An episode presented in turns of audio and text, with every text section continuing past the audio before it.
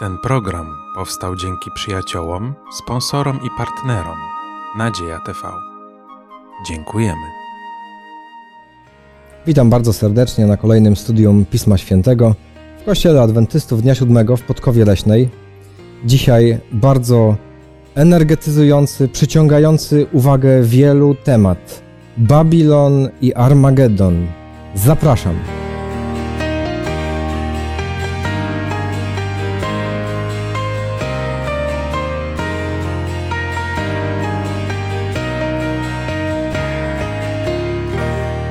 Bardzo nam miło, że dołączyliście kolejny raz do nas tutaj w studio, gdzie będziemy chcieli pochylić się nad Pismem Świętym. E, Pozwólcie, że się przedstawimy. Ja nazywam się Marek, jest ze mną Karolina, Błażej i Grzegorz. Temat jest naprawdę bardzo ważny. Chcielibyśmy, aby był również odkrywczy i żeby Pan Bóg szczególnie nam towarzyszył. Dlatego rozpoczynamy jak zwykle zresztą modlitwą. Poproszę Błażeju. Nasz dobry Panie i Boże, dziękujemy Tobie za Twoje słowo i dziękujemy Tobie, że chcesz nas przez nie prowadzić. Prosimy Cię teraz o Ducha Świętego, abyśmy mogli zrozumieć te proroctwa i zrozumieć, co czeka ten świat. W drogim imieniu Jezusa Chrystusa. Amen. Amen. Tym razem temat jest na tyle, myślę, obszerny, że rozpoczynamy od razu przechodząc do sedna. E, Mamy dwa terminy, które chcielibyśmy rozszyfrować i z sobą połączyć. E, Babilon i Armagedon. Zaczynamy od Babilonu. E, Spróbujmy rozszerzyć to, co było do tej pory. Być może dla niektórych widzów po raz pierwszy, kiedy otwieramy Księgę Apokalipsy, znajdujemy tam Babilon i no, spróbujmy przeczytać, bo tych fragmentów jest sześć. Już się podzieliliśmy, zatem, żeby to była faktycznie nasza analiza tekstu Pisma Świętego, bardzo proszę o tych sześć tekst, tekstów. Apokalipsa 14, rozdział, werset 8 mówi, a drugi anioł szedł za nim i mówił, upadł, upadł wielki Babilon, który napoił wszystkie narody winem szaleńczej rozpusty. Rozdział 16, werset 19 i rozpadło się wielkie miasto na trzy części i legły w gruzach miasta pogan. I wspomniano przed Bogiem o wielkim Babilonie, że należy mu dać kielich wina zapalczywego gniewu Bożego. Czytam z uwspółcześnionej Biblii Gdańskiej, Apokalipsa, rozdział 17, werset 5. A na jej czole wypisane było imię Tajemnica, Wielki Babilon, matka nierządnic i obrzydliwości ziemi. I jeszcze teksty z 18 rozdziału Grzegorz. Czytam z, przy, z przykładu Biblii Tysiąclecia, Apokalipsa, rozdział 18, wersety 2, 10 i 21. I głosem potężnym tak zawołał: Upadł, upadł Babilon, stolica, i stał się siedliskiem demonów i kryjówką wszelkiego ducha nieczystego i kryjówką wszelkiego ptaka nieczystego i budzącego wstręt. Stanowszy z daleka ze strachu przed jej katuszami, powiedzą: Biada, biada wielka stolico, Babilonie, stolico potężna, bo w jednej godzinie sąd na ciebie przyszedł? I potężny jeden anioł dźwignął kamień jak wielki kamień młyński i rzucił w morze, mówiąc: Tak z rozmachem Babilon, wielka stolica, zostanie zrzucona i już jej nie będzie można znaleźć. Kiedy apostoł Jan pisze o Babilonie, który ma upaść, który ma otrzymać zapłatę i karę, y, minęło mniej więcej 600 lat od czasu upadku starożytnego Babilonu. Czym jest ten apokaliptyczny Babilon? Na pewno jest symbolem. Babilon, ten konkretny, materialny, ten, który się znajdował w Mezopotamii, on nie miał zostać nigdy odbudowany. On miał być zburzony, jego szczątki miały być po prostu już do końca. Ale Biblia nam opisuje historię tak naprawdę dwóch miast. Mamy miasta, historię miasta świętego, Jerozolimy, miasta wybranego przez Boga i mamy historię miasta bezbożnego, Babilonu. Jeśli można, to tak pokrótce właśnie historię Babilonu, bo ona jest dość ciekawa. Pierwsze wzmianki o Babilonie znajdujemy w pierwszej księdze Mojżesza, w rozdziale 10-11. Tam czytamy o tym, że Nimrod założył Babilon. 11 rozdział to budowa wieży Babel. I Józef Flawiusz... Babel to Babilon, tak? Tak, tak, bo e, ta nazwa hebrajska dla Babilonu i dla Babel to jest to samo słowo. Józef Flawiusz, żydowski historyk... Dlaczego w naszych uszach brzmi inaczej? Nie wiem. No właśnie dla, roz, to dla rozróżnienia. Tak jak imię Jezus w Nowym Testamencie i Jozue i Ozeasz w Starym, to też to samo imię, ale żebyśmy wiedzieli o kim mowa, e, to jest to rozróżnienie i tutaj jest tak samo. Takich ciekawostek będziemy chcieli dzisiaj kilka wydobyć. Babilon i Babel, to samo. Tak, i między innymi Józef Flawiusz, żydowski historyk żyjący w I wieku, pisał o Nimrodzie, że to był taki władca, który starał się odciągnąć ludzi od Boga i skupić ich e, na sobie, na kulcie władcy. On między innymi twierdził, że e, wybuduje to wielką wieżę, aby uchronić ludzi przed gniewem Bożym. Jakby Bóg kolejny raz chciał zesłać potop, to już ludzie nie zginą, a nawet twierdził więcej, że jest w stanie pomścić na Bogu tych, co polegli. I on uważał między innymi, że e, posłuszeństwo Bogu jest pewnego rodzaju niewolą. Czyli takie są początki. I Babilon był ważnym miastem w Mezopotamii, między innymi król Hammurabi e, ta, tam królował, tam rządził. E, Babilon miał czasy, kiedy był pod okupacją, na przykład asyryjską, ale miał też czasy, kiedy był wielkim imperium. I między innymi za grzechy Manasesa, tutaj w pierwszej, w drugiej Księdze Królewskiej, 21 rozdziale mamy całą listę takiego króla, co ciekawe, on rządził najdłużej ze wszystkich królów południowego królestwa Judy, 55 lat i był jednym z naj, najbardziej bezbożnych królów. I Bóg mówił, że za czyny tego króla i za to, jak naród odstąpił od służenia e, jemu, pójdą do niewoli, sprowadzi na nich, e, na nich klęskę. I co ciekawe, Jeremiasz w 25 rozdziale swojej księgi mówi, że Nebukadnezar, król babiloński, jest sługą jego, który przychodzi, aby wypełnić wolę Bożą. Czyli widzimy, że Babilon też w pewnym okresie odgrywał taką pozytywną rolę. Czyli no był wypełniał... Bożym narzędziem do karania. Tak. No jeżeli rózga może być czymś pozytywnym. Tak, ale jeszcze co ciekawe, i tutaj przeczytam już z księgi Jeremiasza 50 rozdziału, wersety 8 i 9. Staraliśmy się Babilon uzdrowić, lecz się nie dał wyleczyć. Porzućmy go, niech każdy idzie do swej ziemi, albowiem sąd nad nim dosięga nieba i aż w obłoki się wznosi. Czyli widzimy, że ten okres niewoli babilońskiej był również okresem, w którym był Babilon leczony, w którym Bóg chciał dotrzeć do Babilonu i tak naprawdę pokazać mu, e, kto jest prawdziwym Bogiem. I jak czytamy Księgę Daniela, to widzimy tam wiele historii, jak Bóg objawia się dla króla Nebukadnezara czy Nabuchodonozora. I tak naprawdę ten król się nawraca. Podajże w czwartym czy piątym rozdziale on się nawraca. W czwartym.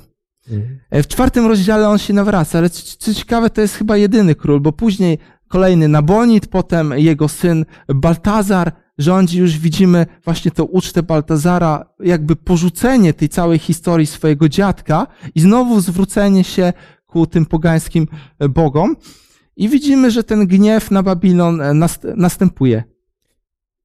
Wspomniane było budowanie wieży Babel.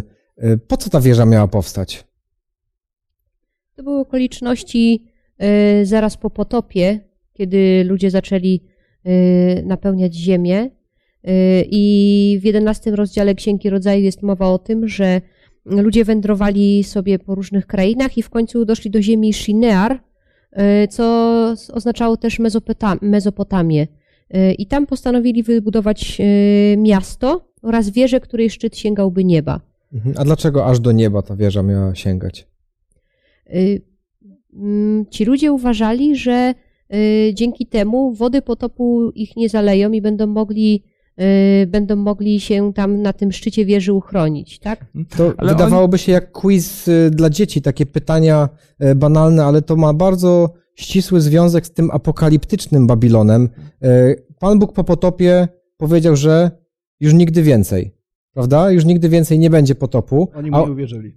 A oni właśnie nie uwierzyli, powiedzieli, Pan Bóg powiedział jedno, ale na wszelki wypadek lepiej wybudować wieżę, która będzie sięgać nieba. Chcieli się w ten sposób uniezależnić od Boga, w razie czego, żeby nie, nie, nie mógł ich dotknąć sąd. I dlatego od tego miejsca Babilon e, i budowanie wieży Babel jest pewnym symbolem, które ciągnie się aż do końca, aż do Księgi Apokalipsy, które pokazuje, że człowiek chce zbawić się sam. będziemy coś robić. Pan Bóg powiedział jedno, ale my jeszcze do tego coś dołóżmy, tak na wszelki wypadek, bo Panu Bogu nie można ufać. To jest przesłanie Babilonu. Zróbmy to sami. Zbawienie poprzez ludzkie uczynki. Jeśli jeszcze można, w 14 rozdziale Izajasza jest pieśń nad królem Babilonu i tam między, między innymi czytamy te wersety 14, e, chyba po 16, gdzie odnosimy to często do Lucyfera, do szatana, który upadł, ale on mówi w sercu, wejdę w górę aż do nieba, aż do chmur dosięgnę. I tak naprawdę mm, w zrozumieniu ludzi w starożytności właśnie te chmury, to niebo, to było miejsce zamieszkania Boga. Oni też, jak tutaj Józef e, Flawiusz napisał, jak myślał Nimrod, oni myśleli, że idąc do nieba, do chmur, dosięgną tego tronu Pana Boga. Spotkają go tam. Widzimy też, że nie tylko bunt przeciwko Bogu, ale również ucisk, ucisk prawdziwego Kościoła. W 17 rozdziale Apokalipsy kiedy czytamy o tej y, nierządnicy, która ma na czole napis Wielki Babilon, czytamy w wersecie szóstym, widziałem tę kobietę pijaną krwią świętych i krwią męczenników Jezusowych. Także jeszcze dodatkowo ucisk tych, którzy są wierni Bogu. Mhm, czyli kolejna cecha Babilonu. Y, przeczytajmy tekst pierwszego listu Piotra, piąty rozdział i trzynasty wiersz. Pozdrawia was Kościół w Babilonie, razem z wami wybrany i Marek, mój syn. Mamy kolejne miejsce Pisma Świętego, Nowy Testament, który e, no, też nawiązuje do Babilonu. Czy Piotr faktycznie był w Babilonie? Przecież Babilon nie istniał już wtedy. Trudno go było znaleźć. Aż do XIX wieku jego miejsce było gdzieś przysypane piaskiem według proroctwa. Według różnych źródeł możemy przypuszczać, że Piotr znajdował się w tym czasie w Rzymie. E, I mówiąc o zborze czy też kościele w Babilonie, miał na myśli właśnie zbór, który znajdował się w Rzymie. Czy to byłaby dobra analogia? Wracając, taka może dygresja do starotestamentowych proroctw Księgi Daniela, widzimy, że z czwartego mocarstwa, z tej bestii żelaznej, miał wystąpić również mały róg, który miał prześladować y, Kościół wybrany, prawdziwy Kościół, co się łączy z proroctwami z Apokalipsy, czyli ten y, Babilon nowotestamentowy, y, Babilon proroczy miał być umiejscowiony w Rzymie. W ciągu 10 minut naszego studium wymieniliśmy sporo ksiąg biblijnych, proroctwa z księgi Daniela, Jeremiasza e, i, i wielu innych. To też pokazuje, że próbując zrozumieć e, księgę Apokalipsy, trzeba rozumieć e, przesłanie Pisma Świętego w całości. Czy w takim razie ten Babilon i jego upadek to będzie jakieś konkretne wydarzenie, czy tylko pewien bardzo ogólny symbol duchowy? Należałoby też powiedzieć na początek, y, jak ten pierwotny Babilon upadł, bo myślę, że może niektórzy ludzie, słuchacze nie, nie wiedzą o tym. Cyros, Cyrus II, zwany Wielkim w 538 roku, przybył nad mury Babilonu i tak jego zwiadowcy obeszli te mury i zobaczyli, no, wielkie mury, ciężko będzie je zdobyć. I tak się rozglądali, zobaczyli, że tam Eufrat przepływa właśnie przez te mury i wchodzi do miasta i pomyśleli, że zmienił bieg rzeki. I zmienili bieg rzeki i tym wyschniętym korytem weszli do miasta i tak naprawdę bez większego trudu to miasto zdobyli, kiedy, jak czytamy właśnie w księdze Daniela, Baltazar um, ucztował. ucztował. Tak. I właśnie w szesnastym rozdziale do którego jeszcze dojdziemy, widzimy pewne nawiązanie o tym, um, chyba w werset 12, że wyschnie rzeka Eufrat, że król ze wschodu otworzy drogę dla królów ze wschodu. Właśnie Cyrus, jako król Medii i Persji, przyszedł właśnie ze wschodu, więc widzimy te, te nawiązanie. A czy to będzie jakaś taka bitwa, czysto literalna? Wydaje mi się, że nie, że to, że to ma wydźwięk czysto duchowy. E, bitwa tutaj się rozgrywa na tej płaszczyźnie duchowej. Mhm. E, czyli widzimy, że tutaj przede wszystkim są symbole, jeżeli chodzi o Księgę Apokalipsy. Znając historię, e, znając e, Pismo Święte, jesteśmy w stanie rozszyfrować, do czego symbol nawiązuje. Widzimy, że zaczyna się niejako od samego początku Pisma Świętego walka pomiędzy przeciwnikiem Boga, który występuje przeciwko samemu Bogu, czyli budowa wieży Babel, E, I przez wszystkie kolejne rozdziały widzimy cały czas ten Babilon, który próbuje zdobyć Jerozolimę. Konflikt. No ale teraz ktoś pyta tak bardzo konkretnie, czym jest ten Babilon dzisiaj? Jesteście w stanie odpowiedzieć? Babilon jest opisany między innymi, jak już czytaliśmy w rozdziale 14 i wersecie 8. Upadł, upadł wielki Babilon, który napoił wszystkie narody winem szaleńczej rozpusty. Chodzi o ten system, który przekazuje fałszywe nauki. Oczywiście mamy cały szereg kościołów, które, e, które odwróciły prawdę, tą, która jest zawarta tekst wcześniej o sądzie, między innymi e, Kościół rzymski, szereg kościołów protestanckich, które odwróciły prawdę o, o, bliskim powtórnym przyjściu Jezusa, upajając y, fałszywymi naukami niezgodnymi z Pismem Świętych ludzi. I to jest nazwane Babilonem, tym, który odwrócił się od Boga, odwrócił się od Jego nauk i idzie w kierunku, w kierunku odstępstwa. Najlepszym wyjaśnieniem, z jakim ja się do tej pory spotkałem, jeżeli chodzi o Babilon, to znowu jest nieprecyzyjne. Nieraz chcielibyśmy, żeby powiedzieć, o Babilon to jest tutaj e, albo jakaś konkretna instytucja, albo osoba, o już wtedy jesteśmy usatysfakcjonowani. Jedni są, inni nie. E, natomiast e, Pismo Święte w, w moim zrozumieniu, czym jest Babilon, tak jak ten starożytna wieża Babel, która była wybudowana jako przeciwieństwo tego, co Bóg powiedział. Sprzeciwienie się Bożemu, Bożej wizji ratowania człowieka. Zróbmy to sami. W wielu kościołach dzisiaj, y, nie y, wykluczając również kościoła adwentystów, pojawia się myśl, zbawimy siebie sami. I ludzie zbawiają się na różne sposoby. Jedni przez sakramenty, inni przez robienie tego albo robienie tamtego i pojawiają się kolejne listy w różnych kościołach. Tymczasem Pan Bóg mówi, wizja zbawienia jest jedna. Jeżeli zaufasz mi, ja ciebie zbawię. E, to jest na jego warunkach, a wszystko, co człowiek mówi, ale ja mam swój pomysł na zbawienie, jest Babilonem. Czyli każda myśl, która sprzeciwia się temu, co powiedział Pan Bóg, jest wpisaniem się w ten nurt Babilonu. Zrobimy to po swojemu. Księga Apokalipsy generalnie przedstawia kobietę, która jedzie na bestii i to są symbole odnoszące się do pewnych instytucji. Jednak proroctwa nie koncentrują się na pojedynczych osobach, ale na całych systemach. I widzimy przez, przez, przez y, Księgę Apokalipsy, że jest to Babilon jest tym systemem, który do, do, doprowadza właśnie do tego, że wino szaleńczej rozpusty jest rozlewane wśród wszystkich narodów, że święci są y, uciskani i że ostatecznie jest to pokazane właśnie w formie miasta, tak, z jakiejś zorganizowanej struktury. Ja też bym zgodził się z tym, co mówi Błażej, aczkolwiek jeszcze bym dodał do tego, e, o czym będziemy studiować, że Bóg nakazuje wyjście z Babilonu, ale jak zobaczymy na historię, to Bóg, co ciekawe, swój lud najpierw wprowadza do Babilonu.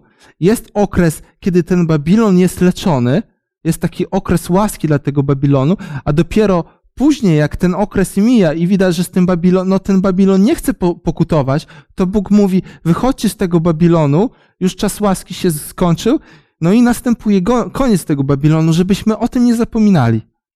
Podsumowując tą część o Babilonie, zgadzamy się, że jest to moc przeciwna Bogu, która na swoich e, zasadach chce zbawić człowieka i prowadzi misję ogólnoświatową. Próbuje tym winem, i tutaj ciekawy jest e, symbol, pojawia się wino jako e, zepsuta nauka, która odciąga ludzi od Boga.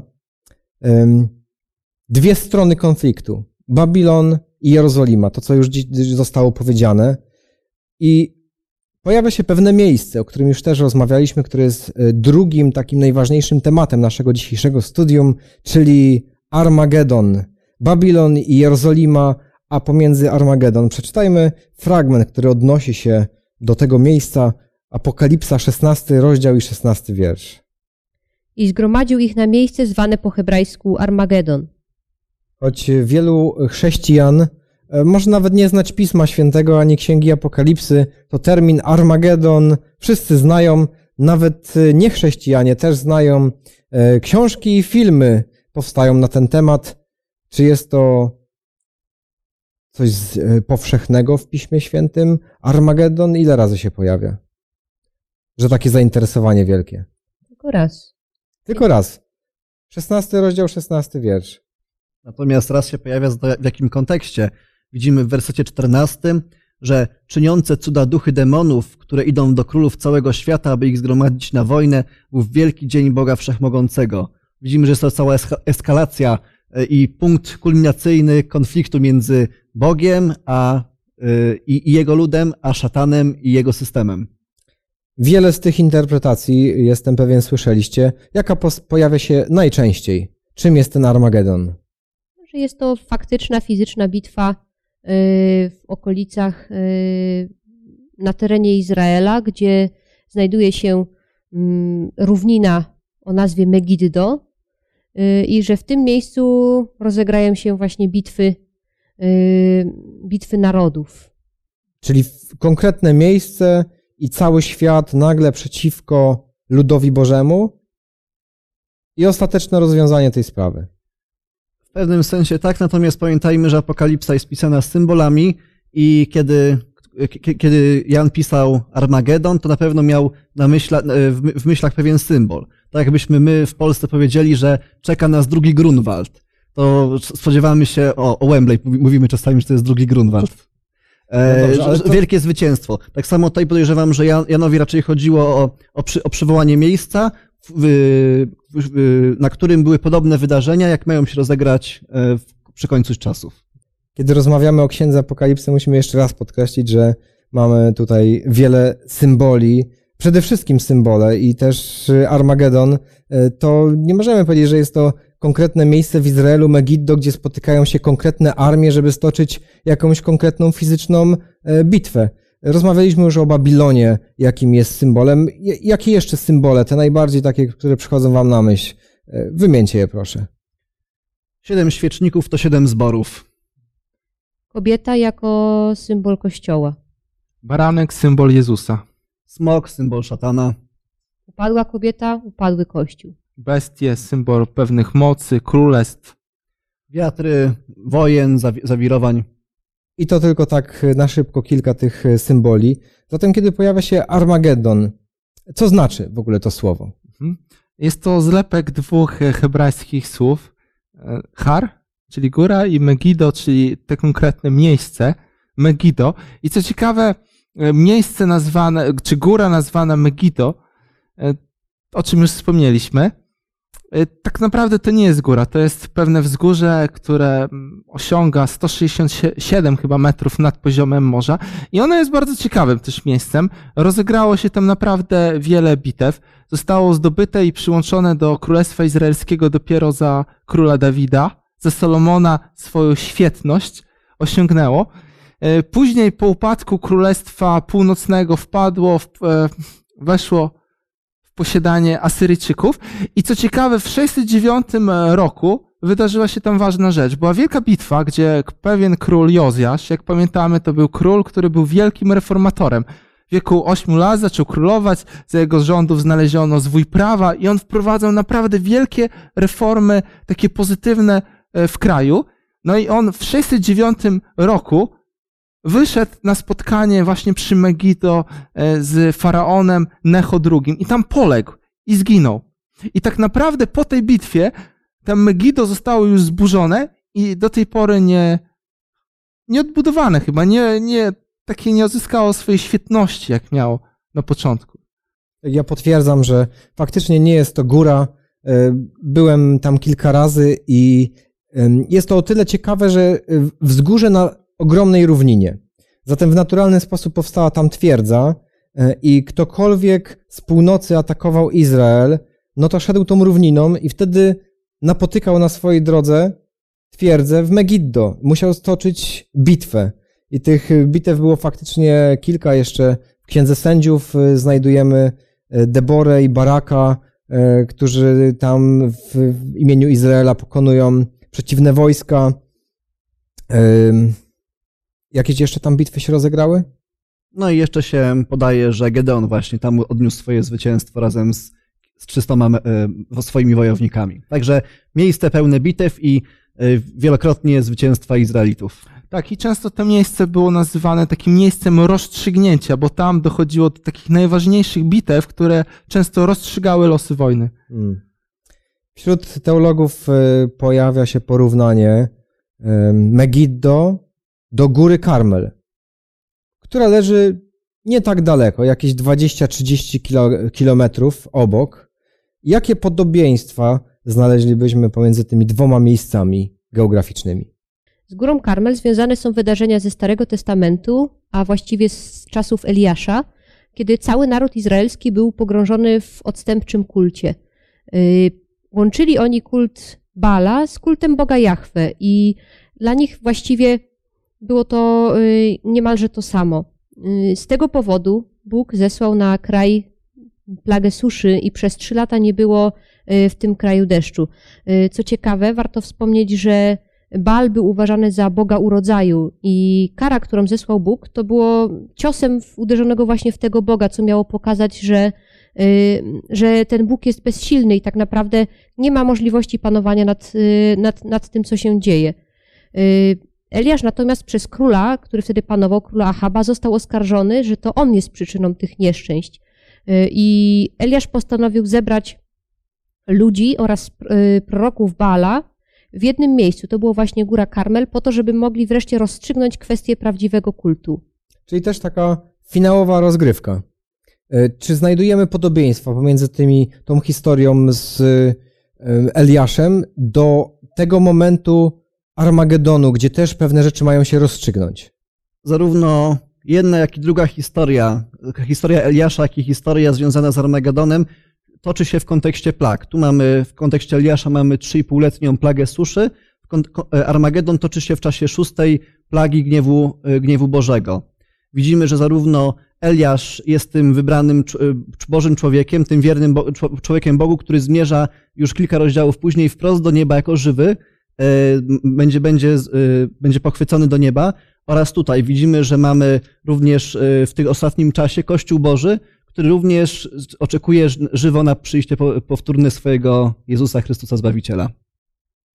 Mamy ogień z nieba, który wstępuje w historii Eliasza e, i też w Księdze Apokalipsy czytamy, tam przeciwna strona do tego stopnia czyniła cuda, że i ogień z nieba miał e, stępować. E, a frekwencja po obu stronach? No liczna.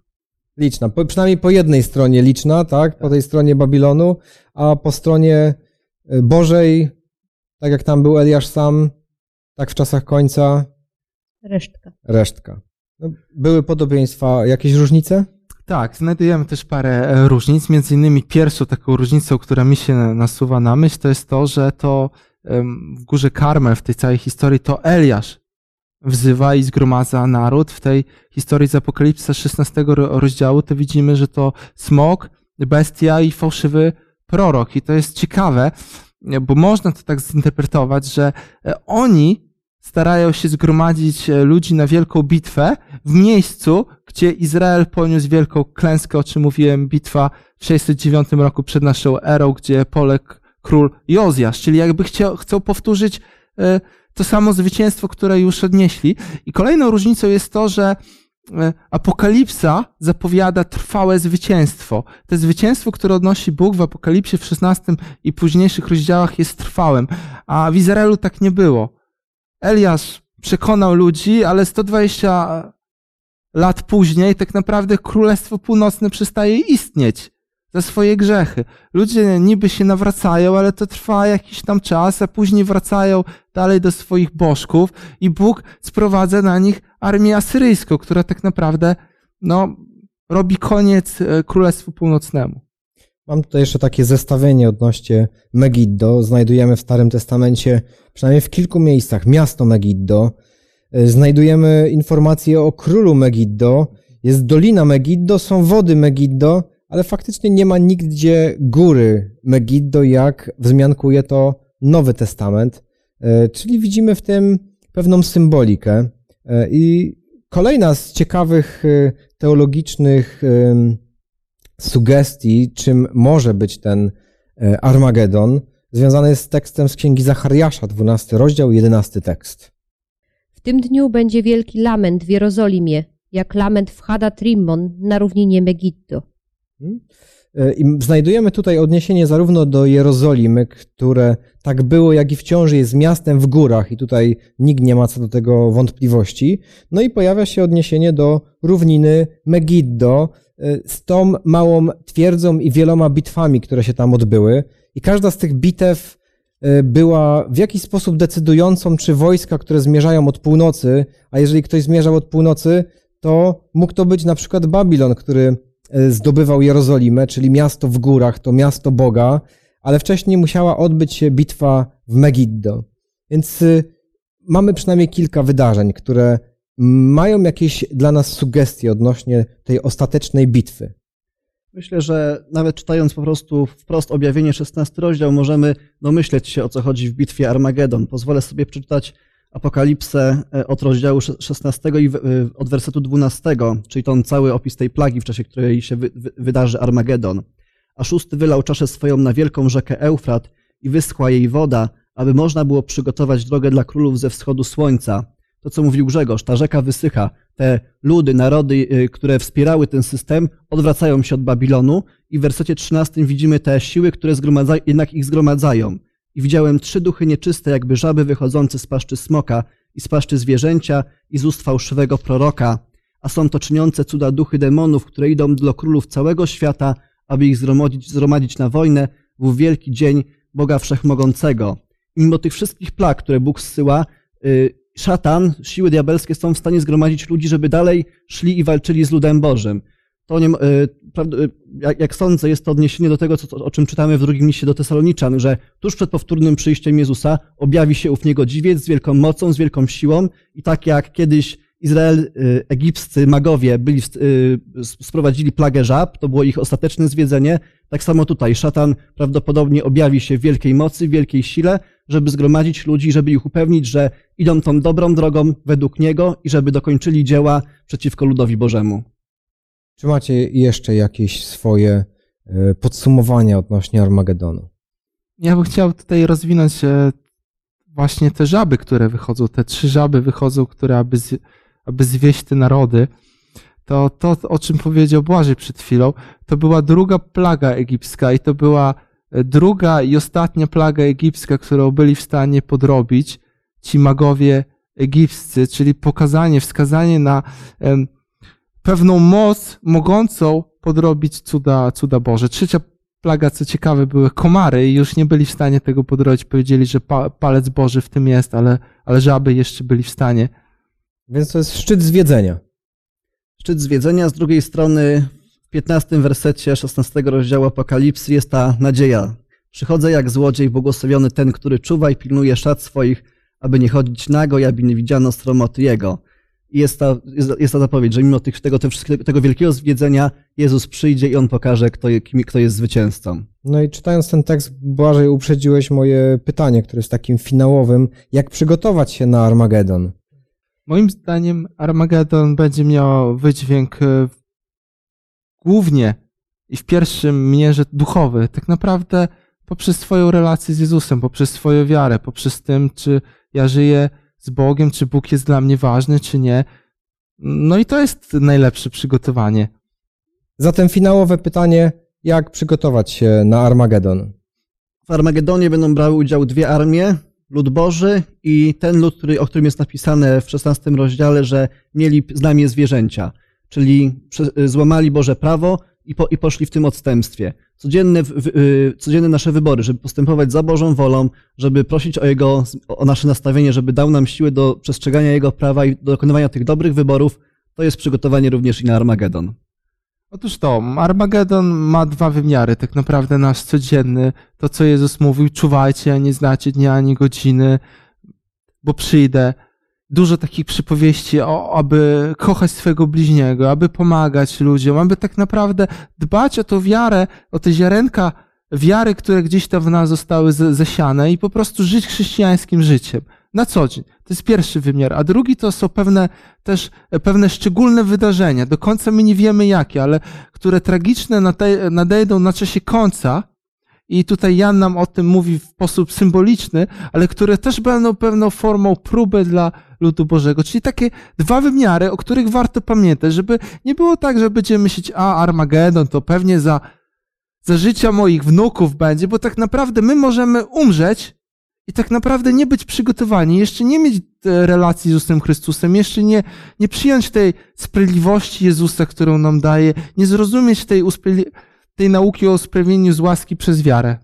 W Apokalipsie w rozdziale 16 i wersecie 15 mamy nawiązanie do pewnego starożytnego zwyczaju, y, kiedy strażnik, który miał pilnować i czuwać na posterunku, zasnął, zabierano mu jego szaty, chowano lub palono, a strażnik musiał wracać nago do domu i był okryty hańbą i wstydem.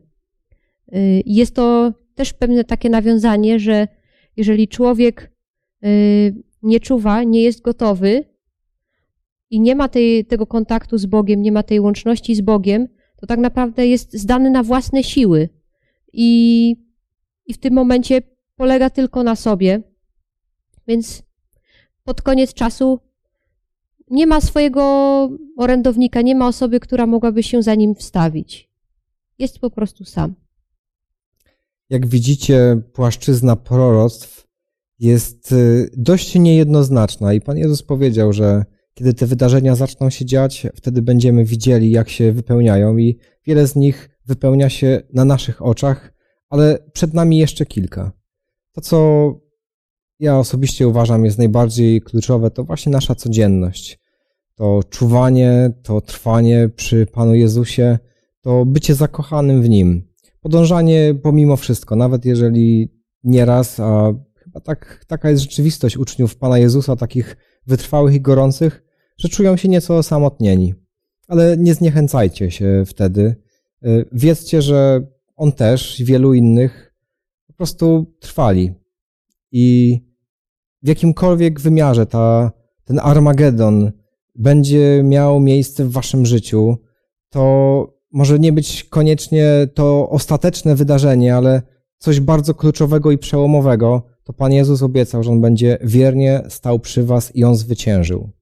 Niech ta myśl będzie tą wzmacniającą nas w codziennych naszych bitwach i Babilon, który wydaje się taki potężny i wszechobecny, nie będzie dla nas przeszkodą.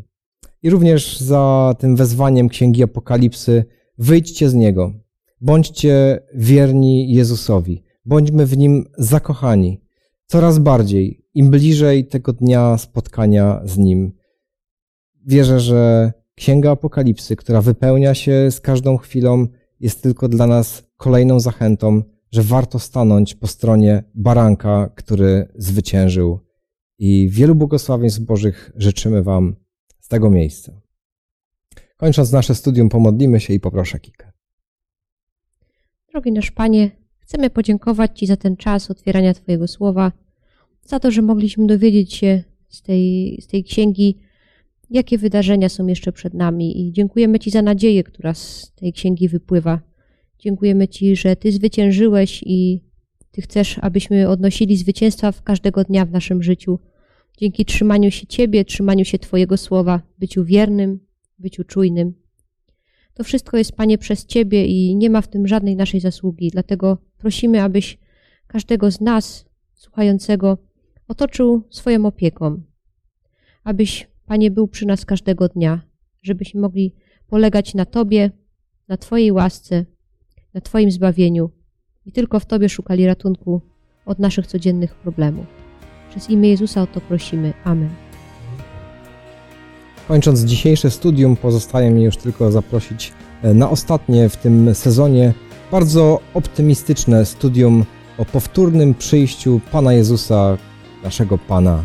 Serdecznie zapraszam za tydzień.